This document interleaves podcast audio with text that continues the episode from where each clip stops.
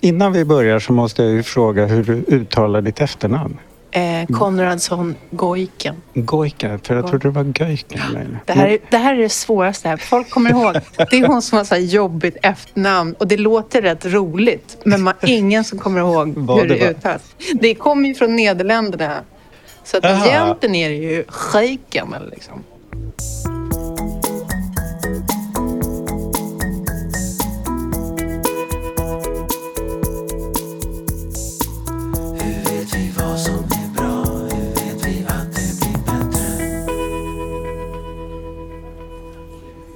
Kafferast i Kunskapsfabriken.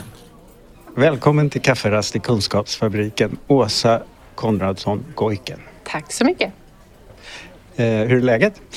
Jo, det är bra. Mm. Jättebra. Solen skiner och, och jag är utsövd. Ja, men det, det kunde vara mycket värre. Väldigt mycket. Ehm, och dig har vi bjudit hit för att du kan en massa saker om schizofreni. Ja, lite kan jag i alla fall. Mm. Men du har skrivit en bok om schizofreni. Jag har skrivit en Mm. bok tillsammans med eh, två psykiatriker, Sten Friberg och Ylva Wächter. Så är det. Som, eh, när vi började skriva den så tänkte vi att den skulle rikta sig till personer med egen erfarenhet och deras anhöriga. Mm. Men ju längre vi har hållit på och nu är den också, finns den ju också ute på marknaden så förstår vi ju att den kan användas av alla människor som, som träffar på eller mm, kommer i kontakt med personer med schizofreni men inte har expertis, Ah, ja. Mm. expertiskunskap. Så att personer inom, eh, inom vården som inte kanske har en medicinsk utbildning, polis, brandkår, Mm. rättsväsendet överhuvudtaget, socionomer Just det. Ehm, etc. den har ju också i sin undertitel ett tydligt fokus också för den handlar om livet med schizofreni. Precis. Alltså det, man skulle ju kunna också göra en mycket mer medicinsk eller vad man ska säga sak om läkekonstens eh, eh, tankar om schizofreni. Men här utgår det mer från att leva med schizofreni. Precis, den är blandad med både fakta och personliga historier. Så att det är, och intervjuer också. Eller rena intervjuer. Men, men, men det, är, det är en sjukdom som är ganska, ganska stor och den är komplex. Eh, För mig är det inget svårt att förklara schizofreni men det kan lätt bli väldigt mycket ord som rabblas upp. Genom att vi har, har eh, exempel och människor som uttrycker och beskriver sin sjukdom så, så tror jag, eller vi hoppas ju att det underlättar. Just det. Ehm, vad är det som är din yrkestitel?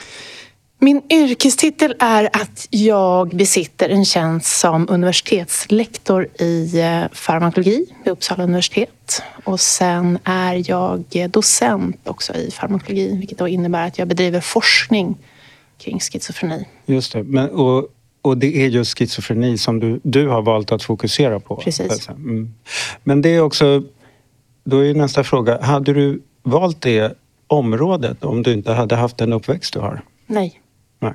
Jag är på en plats i livet eh, som faktiskt nu för tiden kan jag säga är tack vare min uppväxt med en bror som utvecklade schizofreni för 33 år sedan.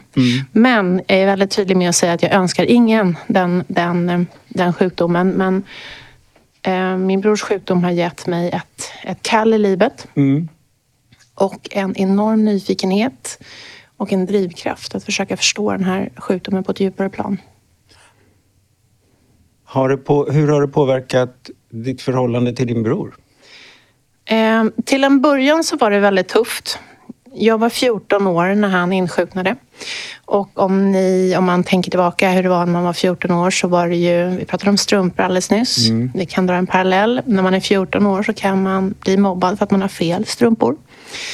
Eh, Min stora mardröm var ju att mitt nätverk skulle få reda på att min bror hade insjuknat under sommarlovet år 1988.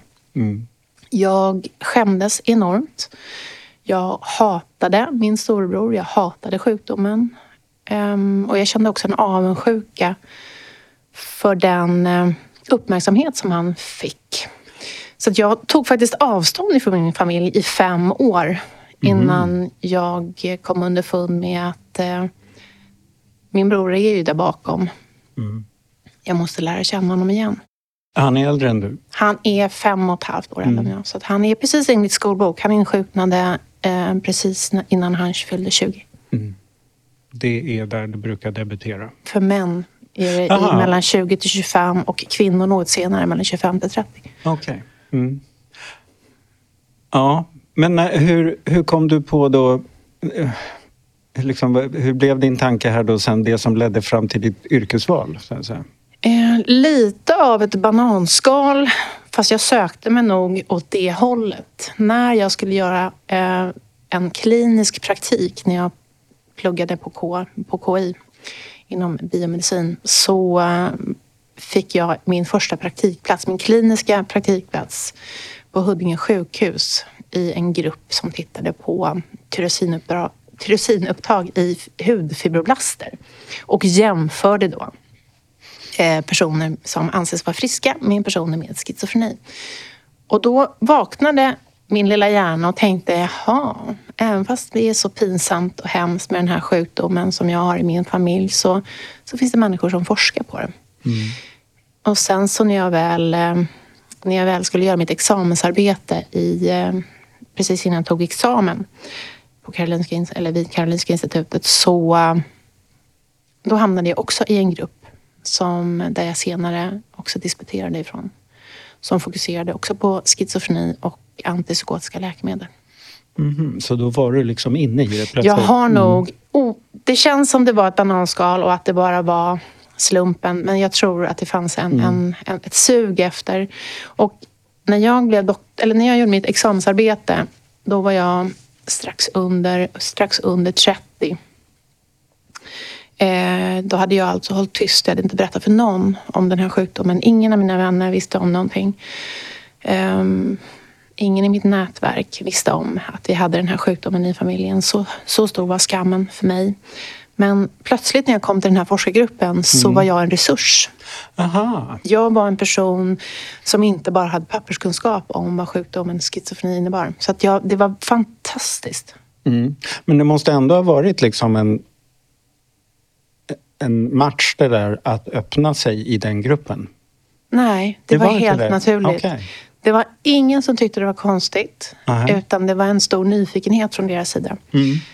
Så det och jag fick väldigt mycket hjälp att, att eh, komma till insikt också. Att det här är en sjukdom som vilken som helst annan, men den har drabbat hjärnan.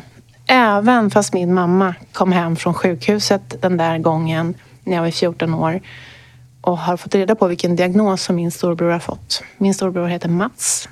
Och då sa hon precis eh, så här att den, det beteendet som vi såg hemma i pappas kök, för det var där vi hittade honom när han var psykotisk första gången, beror på att han har drabbats av en sjukdom. sjukdom. En sjukdom som är som vilken som helst annan, men den har drabbat hjärnan och den heter schizofreni. Och det var första gången jag hade hört det ordet. Och för mig tedde det sig oerhört konstigt att en sjukdom som är som vilken som helst hade förvandlat min storbror till en person jag inte kände igen.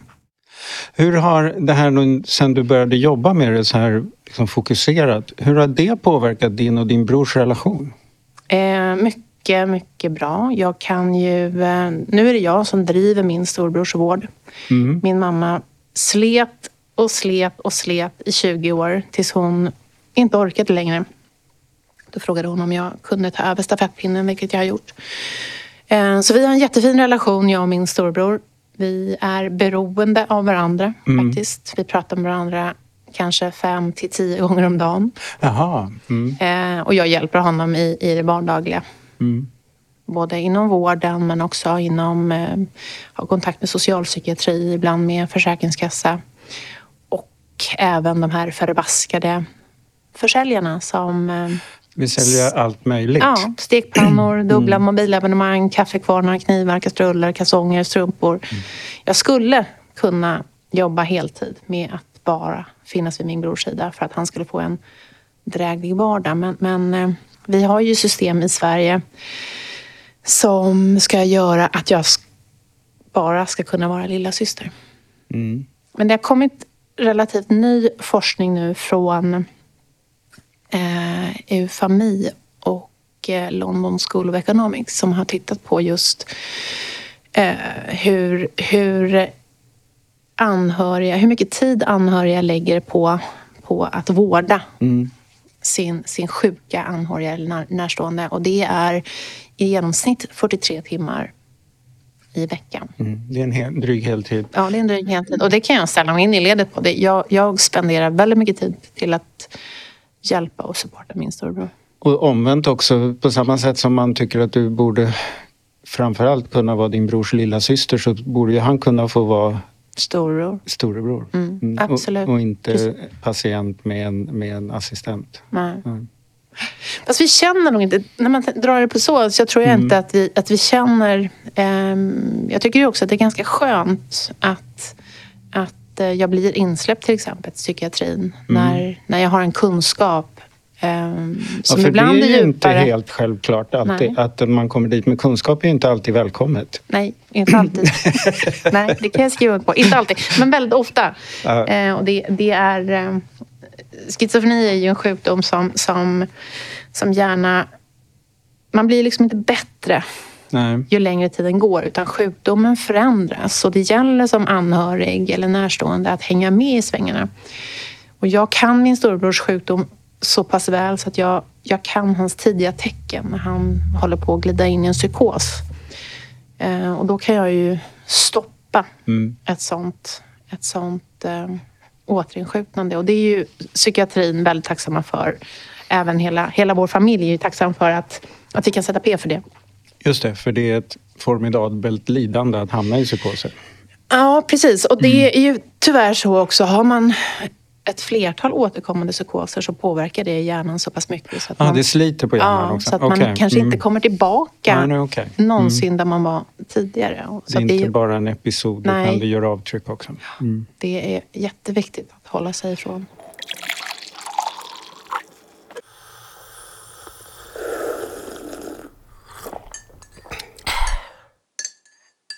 Kafferast i Kunskapsfabriken.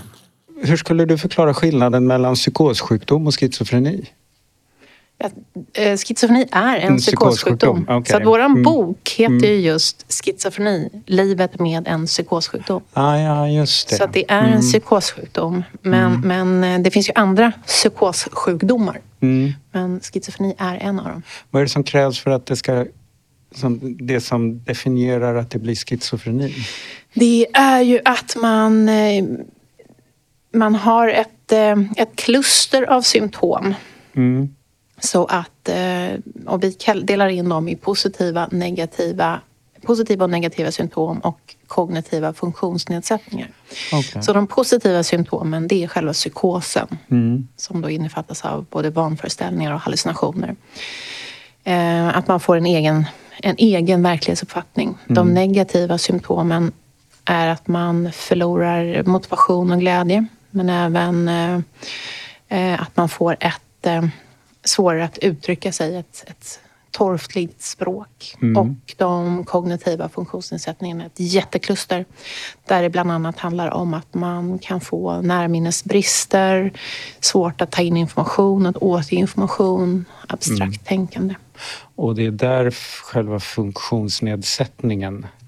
Eller Ja, när man alltså- pratar om psykia- psykiska funktionsnedsättningar så... Det är ju både de här negativa och de kognitiva delarna.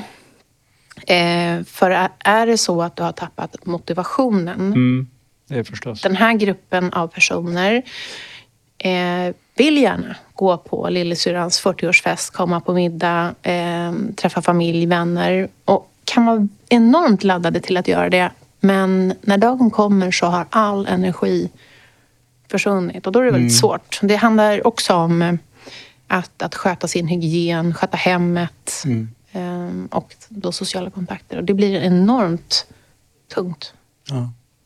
Sen så ska man ju också säga, jag vet inte riktigt om, om alla som lyssnar på det här programmet vet vad de här, vad de här termerna står, positiva och negativa. Nej, det var det jag undrade. Nej. Eh, För att man undrar lite vad som är positivt Ja, med en psykos. precis. För det, det är inte mm, det att det är kul utan det är att de här symptomen har adderats till personen efter det att man har fått sin diagnos.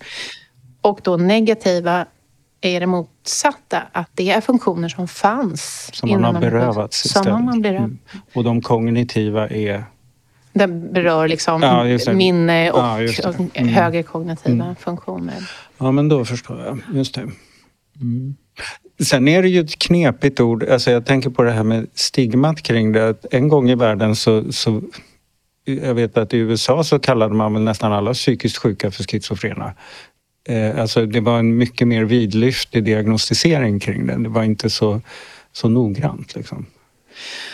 Nej, och jag är inte någon fan av diagnoser överhuvudtaget. Nej. Jag tycker att det är ganska... eh, Jag tycker att man skulle utgå från symptombild istället för Mm. att göra det lättare. Däremot så tycker jag inte... Eh, schizofreni, när jag var 14 år så var bara ordet schizofreni det fulaste jag hade hört. Nu tycker jag det är ett vackert ord. För Mm. Det kommer från grekiskan och betyder just splittrat sinne. Men, eh, men eh, det är ju inte förrän, vi, förrän man, kan, man får sin diagnos, man kan få den speciella hjälp man, man behöver. Men, men det är ju ingenting man strösslar med. Vi strösslar inte med några diagnoser inom, inom psykiatrin utan det kan ta ganska lång tid innan man... Och det är ju för att många, många diagnoser går in i varandra. Det är Just svårt. Man vill inte sätta en felaktig diagnos. Det finns ju liksom inget blodprov som kan säga att, att du lider av. Utan det är, baseras ju på, på samtal och, och de här klassiska indelningarna. Ja, precis, och jag tänker att även om man samlar ihop till indikatorer som utgör en, psyki- eller en schizofrenidiagnos så kan ju vars och ens positiva, negativa och kognitiva eh, liksom, uttryck vara väldigt olika. Absolut. Det är en heterogen, Ja. väldigt heterogen eh, sjukdom. Och enligt skolbok så rabblar vi upp de här positiva, negativa och kognitiva. Mm. Men det är precis som du säger. En person med diagnosen schizofreni kanske har väldigt mycket positiva symptom men Mm. inte så mycket kognitiv, kognitiva funktionsnedsättningar. Medan det kan se ut helt Mm. annorlunda för, för någon annan. Och det är, finns flera personer som klarar av att gå alla utbildningar på, på eh, KTH till exempel, Mm. civilingenjörsutbildningar som kan plöja igenom den ena från den andra medan andra inte klarar av att ens hålla ett, ett fokuserat samtal. Så Mm. Det det är, är otroligt, otroligt brett. hur skulle du säga att kunskapsläget är om schizofreni idag? Fruktansvärt dåligt. Fruktansvärt dåligt. Jag, brukar ha, jag har en slide med Men- när jag presenterar. Där det är en lapp som jag och min pappa hittade när vi rensade min farmors lägenhet efter att hon lämnade jordlivet. Eh, I hennes värld, för då, min farmor var i generationen att när hon pratade med någon i telefon så skrev hon upp det viktigaste så att hon skulle kunna förmedla det till nästa telefonsamtal. Så att här på den här lappen så står min storbrors namn i ena hörnet och så står det ord eller namnet på den sjukdomen som han har drabbats av. Antagligen har hon pratat med min mamma. Och där står det schizofreni. Och den bilden är otroligt talande. För skulle jag rycka någon, om jag skulle rycka tio personer här ute på gatan. Nu kanske de sitter på ert kansli så det kanske var dumt. Men tvärgatan här precis runt hörnet. Och så skulle jag fråga dem. Hur stavas schizofreni? Så kan jag lova att det är inte många som kan stava till. Än mindre känner folk till vad sjukdomen innebär. Utan då kommer de här, väldigt ofta de här missvisande eh, kunskapen som man kanske har fått genom Hollywoodfilmer eller, eller eh, skräpiga eh, det, tidnings, tidningsannonser. Så att man tror att man är liksom rädd. De här rädslorna kommer fram istället. Att man har multipla personligheter, att man är farlig, eh, hotfull. Det är inte det som är schizofreni. Det. det är kunskapsläget i det allmänna medvetandet. Men om man då tittar på... Det, det, finns ju ändå, det finns ju ändå en massa kunskap. Absolut. Eh, Så om man skulle samla ihop den kunskapen som finns. eh, Vad, vad vet vi om schizofreni och, och eh, liksom både orsaker och, och behandlingar och, och framtiden så att säga? Ehm, schizofreni är en sjukdom som har, där vi inte riktigt vet varför vissa människor utvecklar sjukdomen och vi vet heller inte riktigt vad som är fel. Men vi har hypoteser kring de här, eh, hur man, varför man utvecklar och vad, vad i hjärnan som skulle vara fel. Baserat på de här hypoteserna så behandlar vi personer med schizofreni. Mm. Så eh, vi har en del kunskap men vi har också väldigt mycket att, att eh, lära oss. Även vi Man som har också arbetar. ringat in bristerna. Alltså man vet vad man inte vet. Ja, men, men mm. hjärnan är ju väldigt outforskad. Jag brukar jämföra det med, med hjärnan med, med rymden eller världshaven. Mm. Det finns väldigt mycket saker som vi har att, att fortsätta ta reda på. Men som forskare då så är det fantastiskt. Just det. För att det finns ju oändligt med kunskap att hämta. Mm. Och varje dag så publiceras, ju, publiceras det väldigt mycket kunskap i vetenskapliga artiklar om just schizofreni, behandling. Eh, Vi är en hel värld som vill förstå och som samarbetar enormt mycket mellan Mm. både universitet, länder och, och, eh, och världsdelar. Får det där genomslag i um, vården?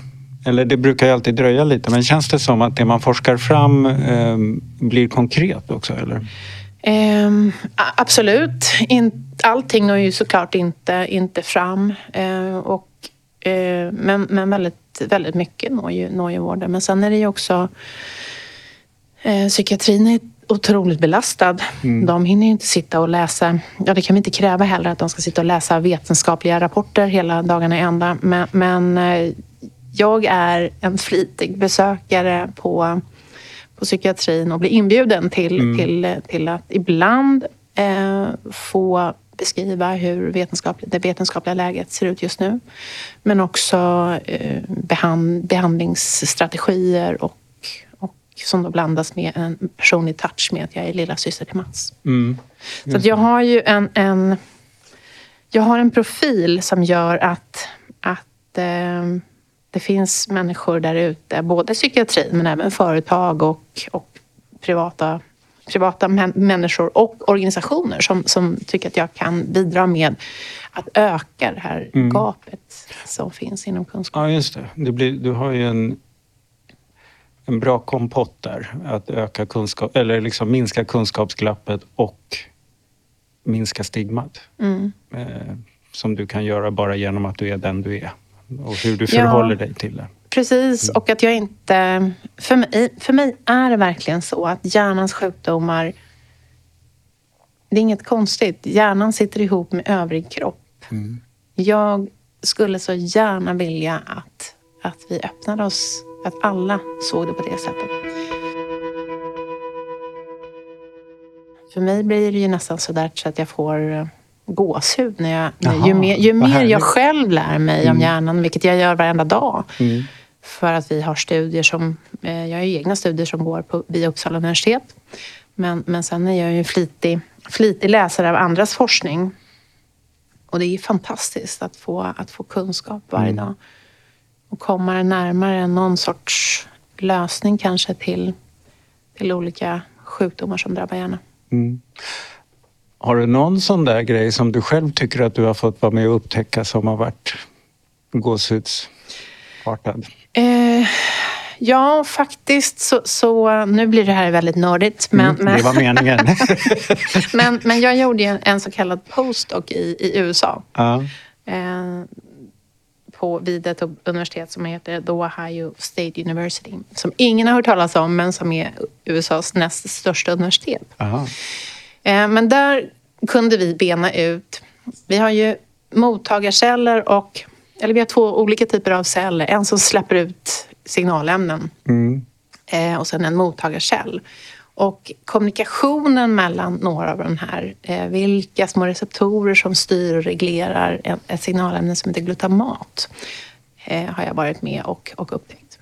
Samt eh, vikten av eh, nikotin, vad nikotin har för påverkan på antipsykotiska läkemedel till exempel. Mm.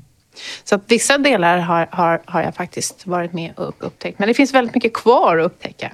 Ja, det är väl så. Ja. Eh, som du sa med hjärnan, att oavsett, som med världshavet, att oavsett var man dyker ner så finns det potential att faktiskt hitta något för första gången och kartlägga det. Liksom. Men det finns enormt mycket. Man måste bara ha eh, nyfikenhet och kunskap och, Mm. och också kunna begränsa sig. För man skulle kunna djupa, dyka hur djupt som helst utan att det skulle spela någon roll. Så att det gäller att ändå ha Mm. Ja, kunskap om, Mm. om, om, om läget.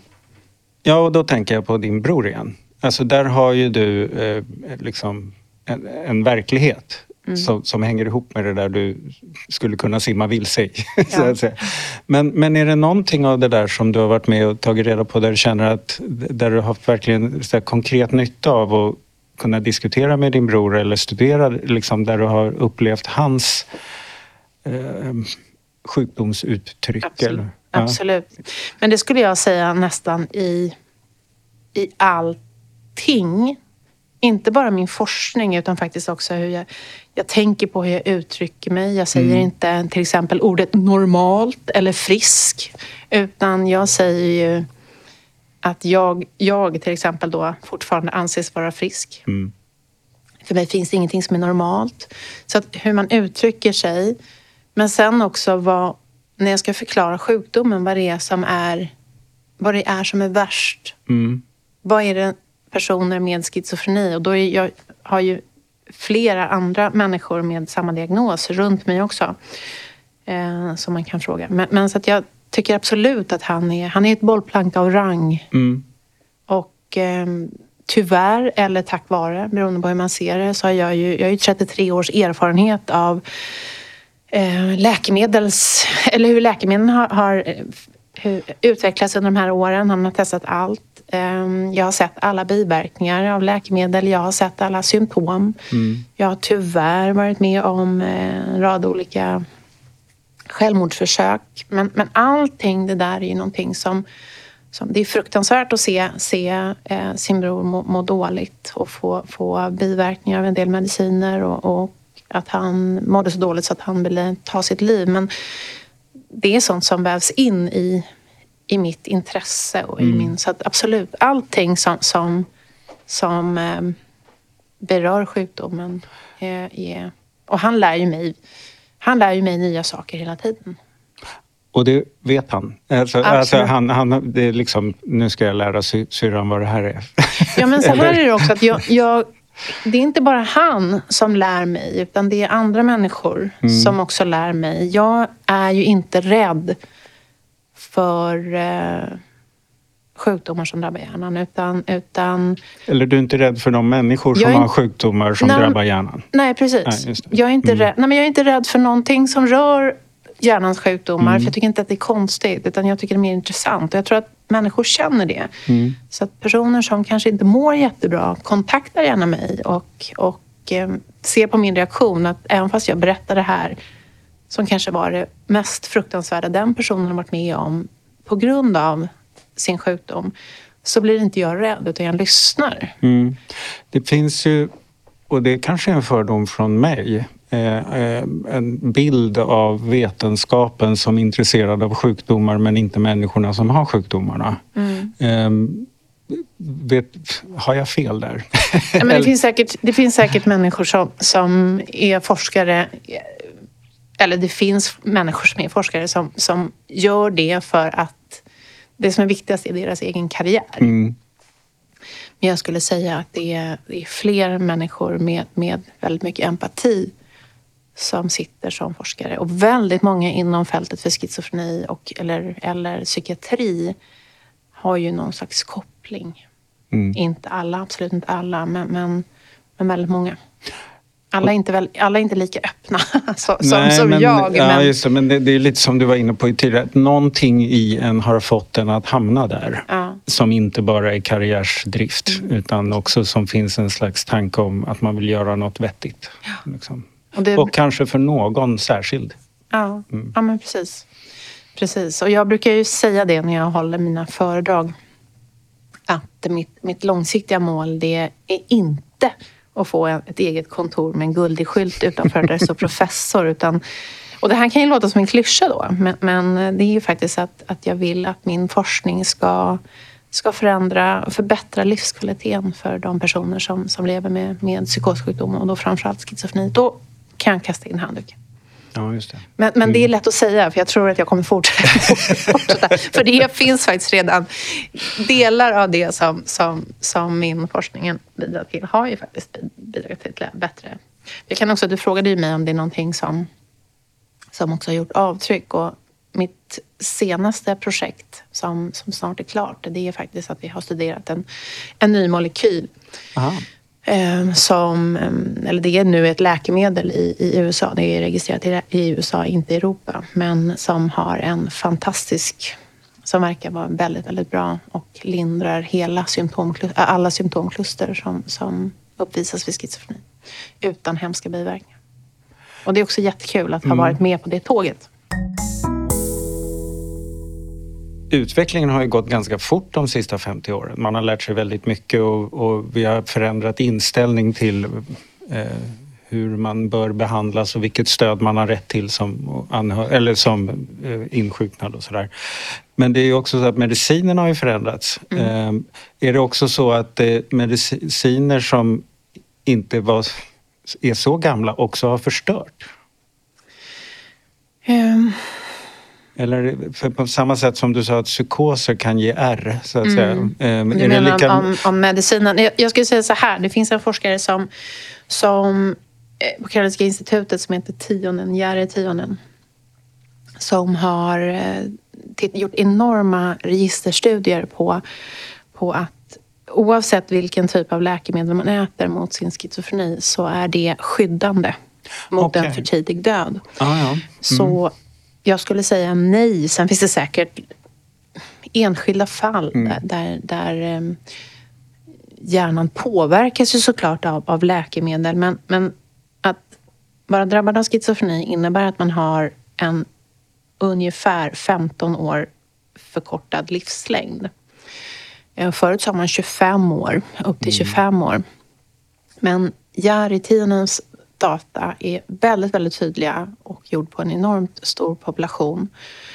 Tack vare att vi har såna här fina register i, Finland och i Sverige. Så att Mm. mediciner är skyddande mot, mot en för tidig död. Ja, Både när det gäller då självmord och även eh, vanliga kroppsliga det. kroppsliga. För det man dör av eh, är, även när man, man är drabbad av schizofreni, det är eh, de här vanliga sjukdomarna som, som, som, som andra dör av. Alltså hjärt-kärlsjukdom och så vidare.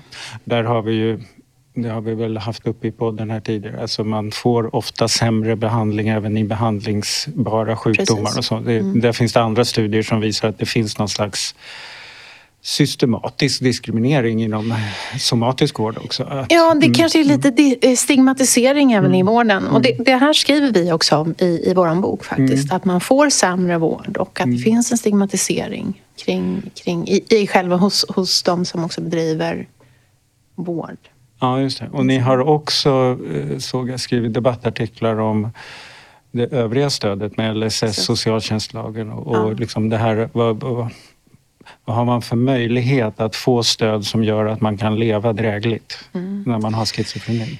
Jag brukar säga att man behöver vara frisk för att vara sjuk. Mm, mm. Så är det Eh, definitivt. Och det är ganska tydligt i Sverige. Just, man tänker på LSS till exempel, där man då har listat upp sjukdomar som ska ingå i LSS. Men det är ju inte sjukdomarna per se. Nej, det är ju funktion. Det är ju funktionsnedsättning och det, ska, det är det den här debattartikeln handlar om bland annat. Men, men Och det enda vi kan vara säkra på när det gäller sjukdomar är att om tio år så kallar vi dem något annat. Ja. Så att det är ganska bortkastat att Det- försöka lagstifta kring sånt. Jättekonstigt. Så det borde ju vara istället för, istället för diagnoser och de här stämplarna så borde det verkligen vara förlust av funktion som gör vad man be- behöver för, eller vad man kan ha rätt till för det. stöd och hjälp. Mm. Sen så kan det vara bra att ha en, en, eh, en lilla syster som jag till exempel som, som struntar i att folk blir upprörda när man ringer det tionde, elfte, tolfte, trettonde samtalet och tjatar och gnatar. Det är inte så att jag får igenom något LSS för att jag tjatar och gnatar. Men, men eh, någonstans kanske det är någon som, som vaknar till liv och tänker att fasen det är någonting fel med det här. Mm.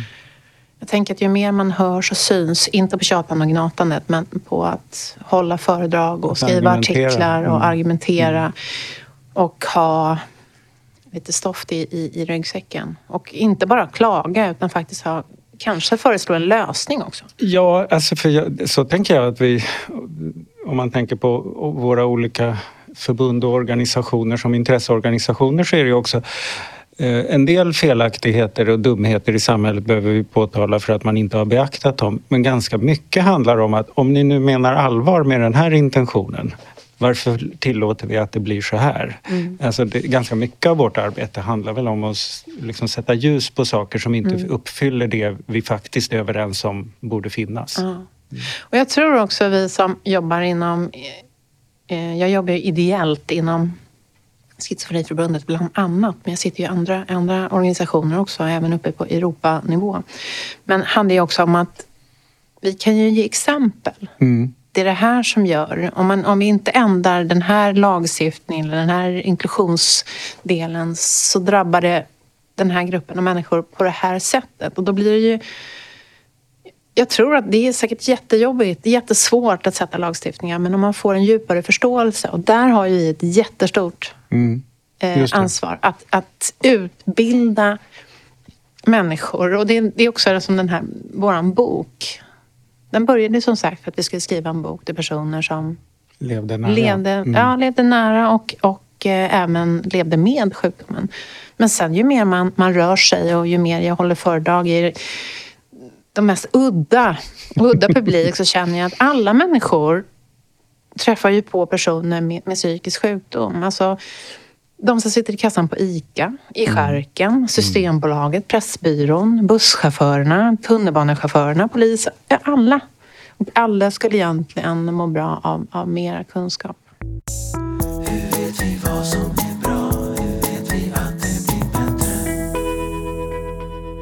Jag har ett litet tema.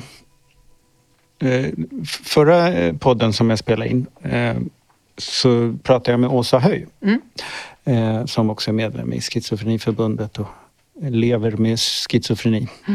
Eh, och Vi pratade som utgångspunkt kring det här med sjukdomsinsikt. För jag tycker det är eh, spännande inte minst då när det är så att man i den positiva uttrycket tillägnar sig en egen verklighetsuppfattning och sådär. Ni har ett helt kapitel som handlar om sjukdomsinsikt. Vad, sk- vad, vad resonerar ni om där? Eh, men det, det är ju också det är en problematik. Eh, både för personen som, som, som lever med sjukdomen, som inte anser sig vara sjuk. Utan det, man har ju skapat sig då, precis som du säger, en egen verklighet. Det är allt annat som är, som är sjukt. Eh, det blir svårt för närstående anhöriga att försöka leva i, i, i det här. Eh, försöka nå den personen. Och det är också svårt för vården. Och det är... Igen så är det ganska få som känner till vad sjukdomsinsikten faktiskt kan, kan, eh, kan leda till. Alltså hur bra, Alltså, hur om- bra det ja, kan precis, bli. hur bra det kan Mm, bli om mm. man faktiskt accepterar att fasen den där, den där eh, meddelandet jag fick i handen nu, det är inte på riktigt. Utan Just det. man kan, man kan, I och med, förstår man sin sjukdom, kan man sin sjukdom så kan man ju också hindra, hindra återkommande psykoser att dyka upp och på så sätt också skydda sin hjärna. Ja, för det handlar ju om att förstå att det här som jag upplever som helt verkligt vet jag av erfarenhet är något jag ska ta på allvar av ett helt annat skäl. Precis, ja. Och det är ju det, Mm, det är precis som du säger, det är ju enormt svårt för oss som aldrig har haft en psykos att förstå Mm. hur verkligt det här är. Men, men det är ju det är ju som att jag skulle sitta här i den här inspelningsstudion och så ser jag de här hålen som är på väggen här. Där, där kommer det ut gas. Jag ser Mm. att det kommer ut gas och jag känner faktiskt att det luktar gas. Och det här vattenglaset som du har tagit in till mig, det går inte att dricka för det smakar faktiskt arsenik. Och det är inte på... Det Mm. Nej, är, det, det är smakar, så. det är Mm. så. Det smakar arsenik och det luktar gas av det som kommer ut. Och jag ser att det kommer ut någonting som du har satt på här nu. För att du ska ta död på mig. Ja, just Alltså, det. det, är ju, det, är, det är otroligt viktigt med, med, med själv, med sjukdomsinsikt. Mm. Eh, men även för, även för de som finns runt omkring. Är det så att man inte vill, det är ingen som vill att någon man älskar ska vara sjuk. Och eh, på grund av stigmatisering så är det ju absolut kanske det värsta för vissa människor att, att min kära bror, syster, dotter, mamma Mm. drabbas av en sjukdom i hjärnan. Så att man kämpar emot. Man vill inte förstå. Man vill inte ha en diagnos som har drabbat hjärnan. Så att, men så fort där allting blir så mycket bättre, så mycket lättare. Eh, det är en otroligt skön känsla när man har accepterat. Både för den som är sjuk och de som står runt omkring. Det är otroligt skönt. För då går det ju att resonera om det, Ja. tänker jag. Alltså Ja. man kan ge och ta och liksom... Eh, Ja, och också att man kan ta emot... Helt plötsligt kanske man förstår varför man behöver äta sin medicin. mm, Plötsligt så, så um, kan man få mer stöttning från sina nära och kära för Mm. att de också har accepterat den här... Brorsan och min, min... eh, Vi har ju ett team, han och jag. Mm. Eh, så att han, han, eh, tidigare i somras så fick han psykotiska symptom och då var det just... Då ringer han till mig och så säger han att han får just meddelanden i handen. Då, är ju, då lämnar ju han information till mig, för han vet någonstans det här stämmer inte. mm, Men han ville bolla det med mig för att han vet att det, jag blir inte rädd för det han berättar. Och han vet också att är det, är det alarm så kommer syrran att göra någonting åt det här. Då hjälper hon mig. mm, Och det är ju sjukdomsinsikt också. Att man har en...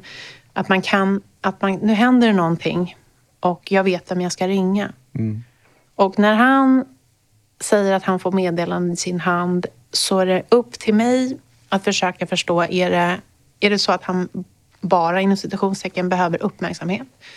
Eller är det faktiskt fara och färde? Och då får jag ställa lite kontrollfrågor. Så jag uppfattar ganska snabbt att det här är inte bra. Så att inom en halvtimme så var jag hos honom och eh, sen fick vi lösa den, den biten. mm. Men det där är ju jättespännande faktiskt. Eh, För det där är ju insikt kombinerat med erfarenhet för det första. Ja. Eh, Men också ansvar på något sätt. Eh, Och att det också är ett slags hantverk. Ja, och det har tagit lång tid. Ja. Alltså min storbror har varit sjuk i 33 år. Ni har haft lite att träna Vi på. har haft, Mm. vi har haft att träna på. Och sen som jag sa, jag, jag tog ju avstånd från honom Mm. i fem år. Så att när jag väl hade accepterat att han var sjuk, då började ju våran syskonrelation. Då, var det, då fick vi liksom börja om från början. Mm. Oavsett att man har, man har vuxit upp sida vid sida, man har samma skrot och korn, kramad av samma mamma och pappa, så är det ett av syskonen som beter sig som jag, Mm. då sliter det oerhört. Så det har ju krävt ett enormt arbete att, att hitta tillbaka till varandra. Mm, Men nu är ju han enormt viktig för mig eh, och jag för honom. Så, att, så att det är ju ett, ett givande och tagande faktiskt. Är det något som du skulle vilja vara med och hitta eller som du skulle se fram emot att någon hittar eller upptäcker som skulle göra konkret stor skillnad för din bror tror du? Alltså jag skulle ju väldigt gärna vilja vara med om, om att vi kan eh, förstå mer varför man insjuknar Mm. i sjukdomen och hitta ett mirakelläkemedel som gör att vi kan, kan bota. Just nu kan vi lindra. Men jag skulle vilja komma på det läkemedel som kan bota. Men för att göra det så behöver vi också förstå varför hjärnan insjuknar i just schizofreni. Då ser vi fram emot det. Ja, Det är tur att det här bara var en kafferast så att det, det finns en riktig kunskapsfabrik att gå och jobba i Ja, också. precis. Precis. Tack för att du ville vara med Åsa. Tack snälla för att jag fick komma hit. Den här podden görs av NSPH, Nationell samverkan för psykisk hälsa. Läs mer på vår hemsida www.nsph.se eller följ oss på Facebook. Kafferast i Kunskapsfabriken.